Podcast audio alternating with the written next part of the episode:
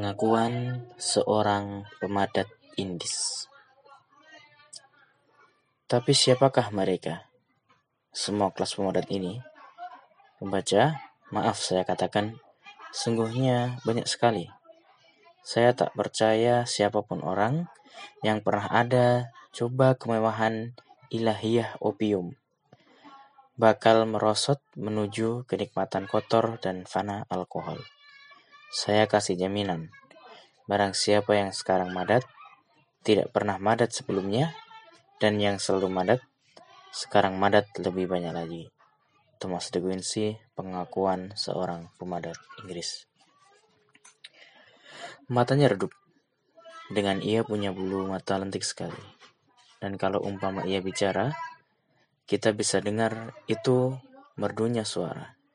Sekali dua bibirnya kasih saja senyum, membuat hati mabuk kepayang, melambung-lambung ke langit yang ketujuh. Makin cinta pula saya padanya. Begitu pula ia cinta pada saya. Kemudian saya bakal sentuh ia punya jemari dan kami berpegang-pegangan begitu lama. Saban hari serupa itu hingga ia mesti tinggalkan saya di bumi yang kejam ini sendirian, dan merana saja. Ini bukan sebuah hikayat atau roman. Tidak pembaca yang budiman. Ini catatan tidak dimaksudkan oleh penulis menjadi begitu. Ini saya tulis untuk sekedar peringatan bagi siapa saja yang sudi menengok sejenak pada apa-apa yang pernah dialamkan oleh saya. Barangkali ada salah satunya yang berguna buat dipungut untungnya. Di akhirnya bulan Agustus ini, hujan yang merayu-rayu membuat saya ada hati ikut sendu. Dan saya jadi mengenang-enang yang sudah lalu. Di balai-balai ini, membaca, tempat sekarang saya ada bikin ini catatan, ia pernah tidur-tiduran manja. Kepalanya ada dijatuhkan ke pangkuan saya. Badannya kecil dan enteng. Sekali dua batuk-batuk timbulkan rasa kasihan. Dan kulitnya yang dulu begitu bersinar menyilaukan. Saya rasakan panas meriang. Tapi lihatlah matanya yang redup itu. Membaca, jikalau cerdik menelisik, bisalah kita lihat ia ada kobar semangatnya. Apakah kamu senang? Tanya saya sekali waktu. Ya, saya senang, jawabnya. Cukuplah saya mendengar bahwa ia senang, maka bahagia pula saya. Tentu tidak selalu ia senang serupa itu. Lain waktu, kelihatan oleh saya ia begitu cemas dan sedihnya. Tapi ia selalu merasa senang tidur-tiduran di balai-balai ini. Saya bakal sudi menggantung orang punya kepala asal saya selalu membawanya kemari.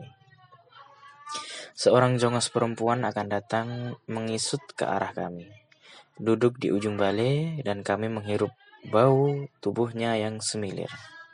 Kepada kami diberikannya dua buah padu dan mengel mengeluarkan bola-bola candu dan dipanggangnya itu di atas api dari lampu minyak. Pelayan itu pun berlalu. Menggoda saya dengan geolan ia punya pinggul. Dan sedikit senyum judesnya. Barangkali ia kesal lihat ada lain perempuan tidur-tiduran lengket di pangkuan saya. Begitulah pelayan-pelayan itu. Adat dan tabiatnya tidak baik untuk tamu perempuan. Tapi sebab perempuan yang sedang tidur-tiduran, inilah. Tapi sebab perempuan-perempuan yang sedang tidur-tiduran inilah, saya datang ke ini rumah candu. Pembaca yang budiman, kini tangannya yang gemetaran tampak terulur buat ambil itu mangkok isi candu. Didorong rasa cinta yang meluap-luap, saya sorongkan itu mangkok hingga ia sanggup mengambilnya. Untuk itu, ia kasih saya senyuman lagi dan timbulkan dua lesung pipit di pipinya. Dan dengan gemes saja mengelus itu lesung pipit serupa hendak mengucil, mengutilnya. Di bawah terangnya lampu minyak, kami mulai mengisap itu candu dengan padu dan saya dengar ia mulai batuk-batuk pula.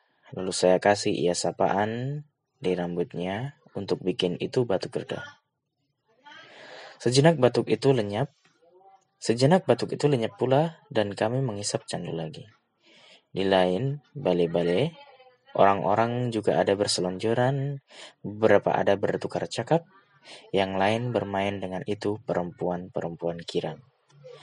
Separuh terpejam kekasih hati, Separuh terpejam kekasih hati ini kembali jatuhkan ia punya kepala ke pangkuan. Seperti biasa, ia bercerita ngalor ngidul, penuh semangat. Lalu setelah capek, dia di, lalu setelah capek ada dimintanya buku yang selalu dikepitnya serupa bayi orok berjudul Babe Dalima berjudul Babu Dalima.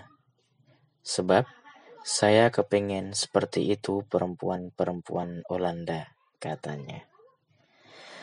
Kami ketawa musababnya buku itu ada bercerita soal ini rumah-rumah candu.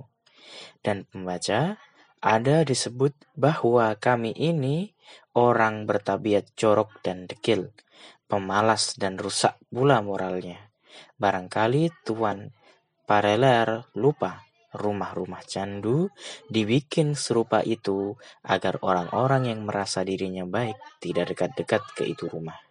Jadinya tidak tahu pula apa yang sesungguhnya kejadian di sana itu.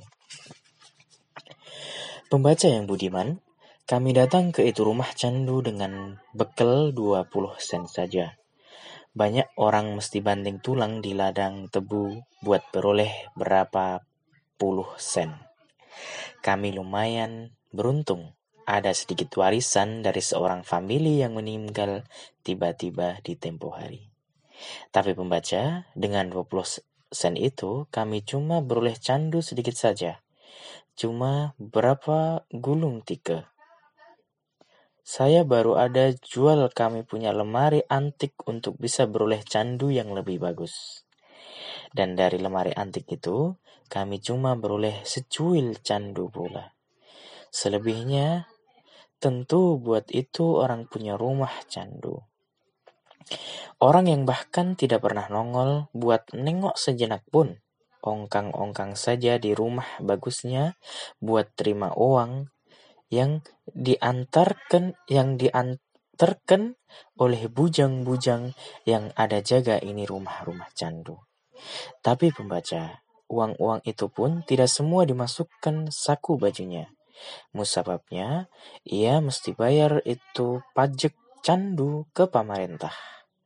Bukan uang yang sedikit pula, juga ia mesti bayar buat beli candu anyar ke siapa lagi, juga ke pemerintah. Jadi pembaca yang jadi pembaca yang budiman, uang dan lemari antik itu sebagian besarnya pergi ke rumah gubernur di Buitenzok. Mereka boleh bilang rumah candu tidak punya kebaikan. Tapi mereka bakalnya diam saja karena beroleh banyak uang buat itu saku-saku besar.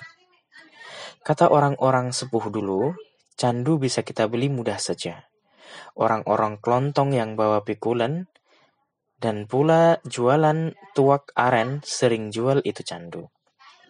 Mereka beli eceran, mereka beli eceran di sodagar-sodagar ngarap di pesisiran. Murah pula. Tapi ketika pemerintah ambil jualan itu candu, lalu rumah-rumah candu dibikin, kita orang tidak boleh beli candu di sembarang orang.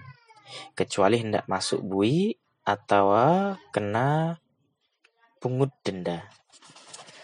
Dan kami beli candu itu dan kami beli dan kami beli candu di itu rumah-rumah lima kali lebih mahal dari yang bisa kamu ambil di itu penjual kelontong yang keliling-keliling. Masa lalu sudah lewat, sekarang semua-semuanya jadi urusan pemerintah. Tentu pembaca yang budiman bakalnya bertanya-tanya, bagaimana kejadiannya berdua kami ini kemudian bisa masuk rumah candu dan mengisap candu. Hingga upah saja tak lagi cukup buat bayar dan mesti jual itu kami punya barang-barang. Juga lemari antik yang sudah saya sebutkan di muka itu. Apakah begitu saja serupa orang makan nasi dan mesti memakannya terus?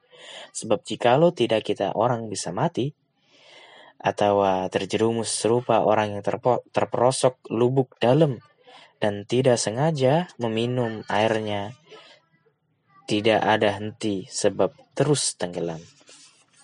Atau kami adalah atau kami ada coba-coba serupa orang ada cobai sayur yang dikasih family.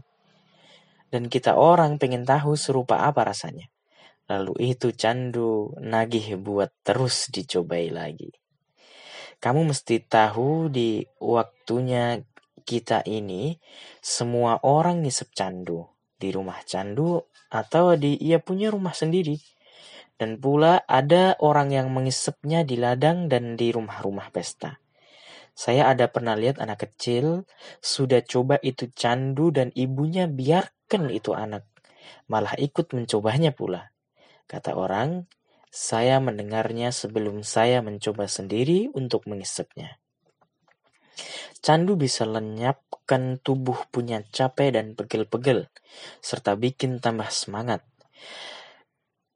Ketika saya kawin, mertua ada kasih saya candu, biar kerja saya jadi tambah ampuh katanya. Benar pembaca, candu memang bikin kita orang kuat serupa sapi jalu. Benar pula kata itu Bujangga Agung Ronggo Warsito. Ikut edan, kalau tidak ikut edan, tidak kebagian. Saya dan istri saya melalui saya dan istri saya mulai isep sedikit candu sejak malam pengantin itu, buat senang-senang dan bergaulan dengan kami punya perhubungan.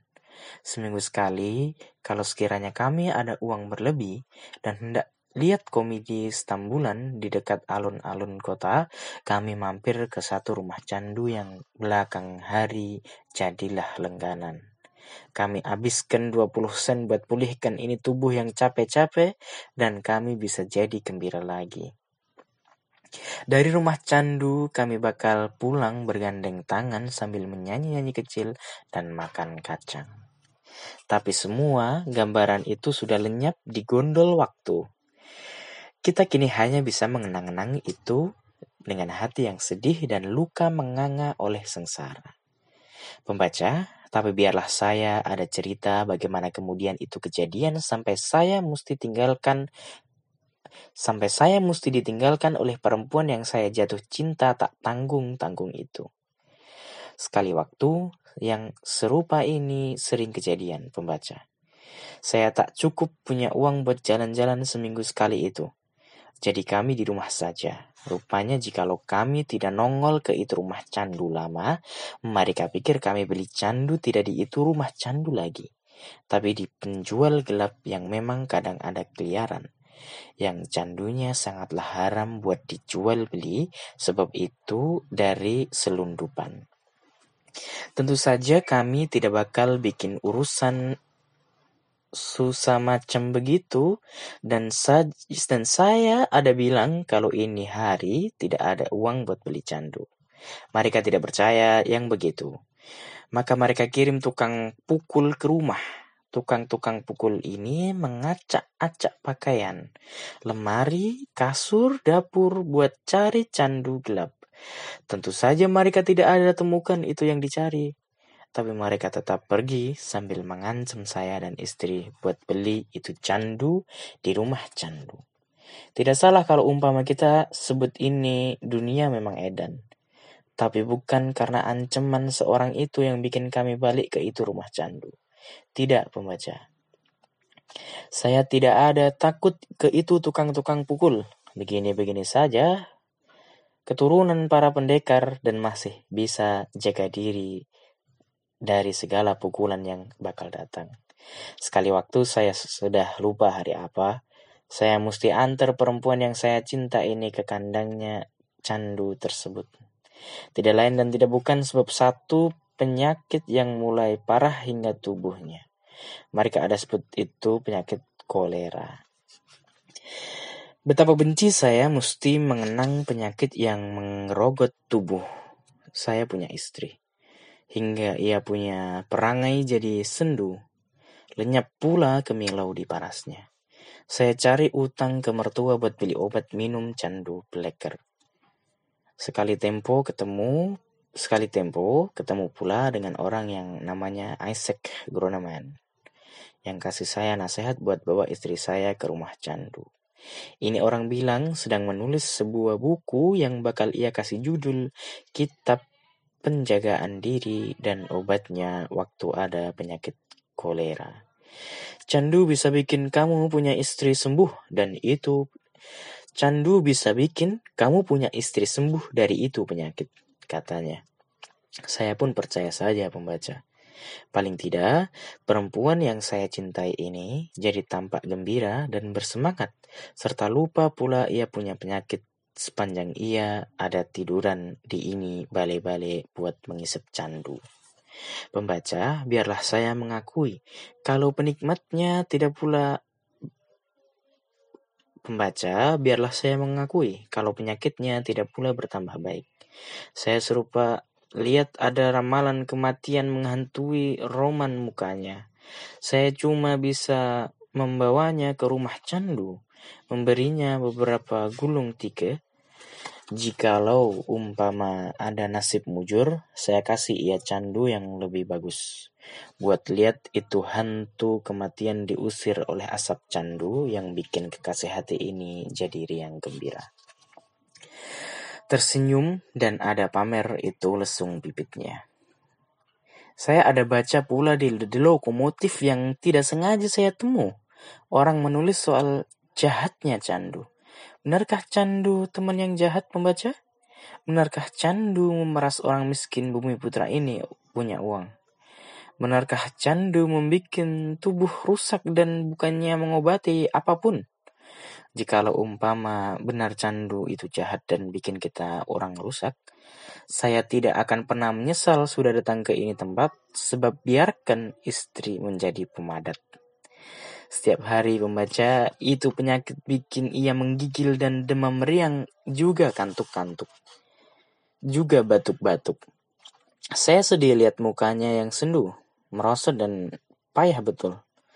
Sering pula saya lihat ia menangis menahan sengsara dan memohon untuk dibawa ke rumah candu buat hilangkan itu rasa sakit. Begitulah pembaca, saya bahagia lihat ia senang, tersenyum manis dan bicara lucu. Adakah yang bisa gantikan kesenangan serupa itu?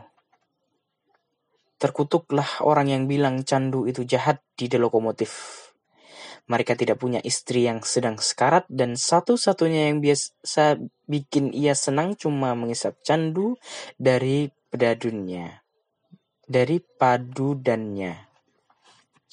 Hingga datanglah hari waktu sekaratnya tidak punya ampun lagi. Bolak-balik saya bawakan ia candu ke rumah. Ia muntah-muntah pula. Seminggu berlalu dan saya mesti ambil keputusan yang sangat berat. Saya, begitulah saya kehilangan perempuan itu. Apakah saya mesti ada katakan itu pembaca? Saya bakal menangis mengenangnya. Tapi tidak apa, biarlah pembaca tahu apa yang kejadian. Saya membunuhnya. Gimana caranya? Biarlah itu dikubur.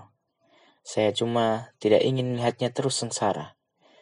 Suatu waktu saya melihatnya begitu bahagia, sedang mengisap candu dan saya ingin sengsara itu tidak bakal datang lagi. Saya menghentikan hidupnya waktu ia mengisap candu. Saya, menghenti, saya menghentikan hidupnya waktu ia mengisap candu terakhirnya itu. Ia mati bahagia bukan? Kami biarkan saya, kami biarkan saja rasakan sedikit kebahagiaan dengan candu pula. Pengusir sedih dan sepi, sembari bikin itu cantik Catatan, seorang perempuan girang datang menemani. Membaca, tahukah bedanya seorang kasih dan seorang perempuan girang di rumah candu? Jika kamu duduk berdua dengan kekasih, pembaca, kamu bisa peluk dan mengelus kekasihmu itu. Dan kamu bakal dibalas dengan pelukan dan olesan mesra pula. Dan dan kamu bakal dibalas dengan pelukan dan elusan mesra pula. Jika kamu duduk berdua dengan perempuan girang, kamu boleh peluk dan mengolesi mengol, dan mengelusnya. Tapi kamu tidak bakalan dipeluk apalagi dielus. Perbedaan itu jauh sekali membaca.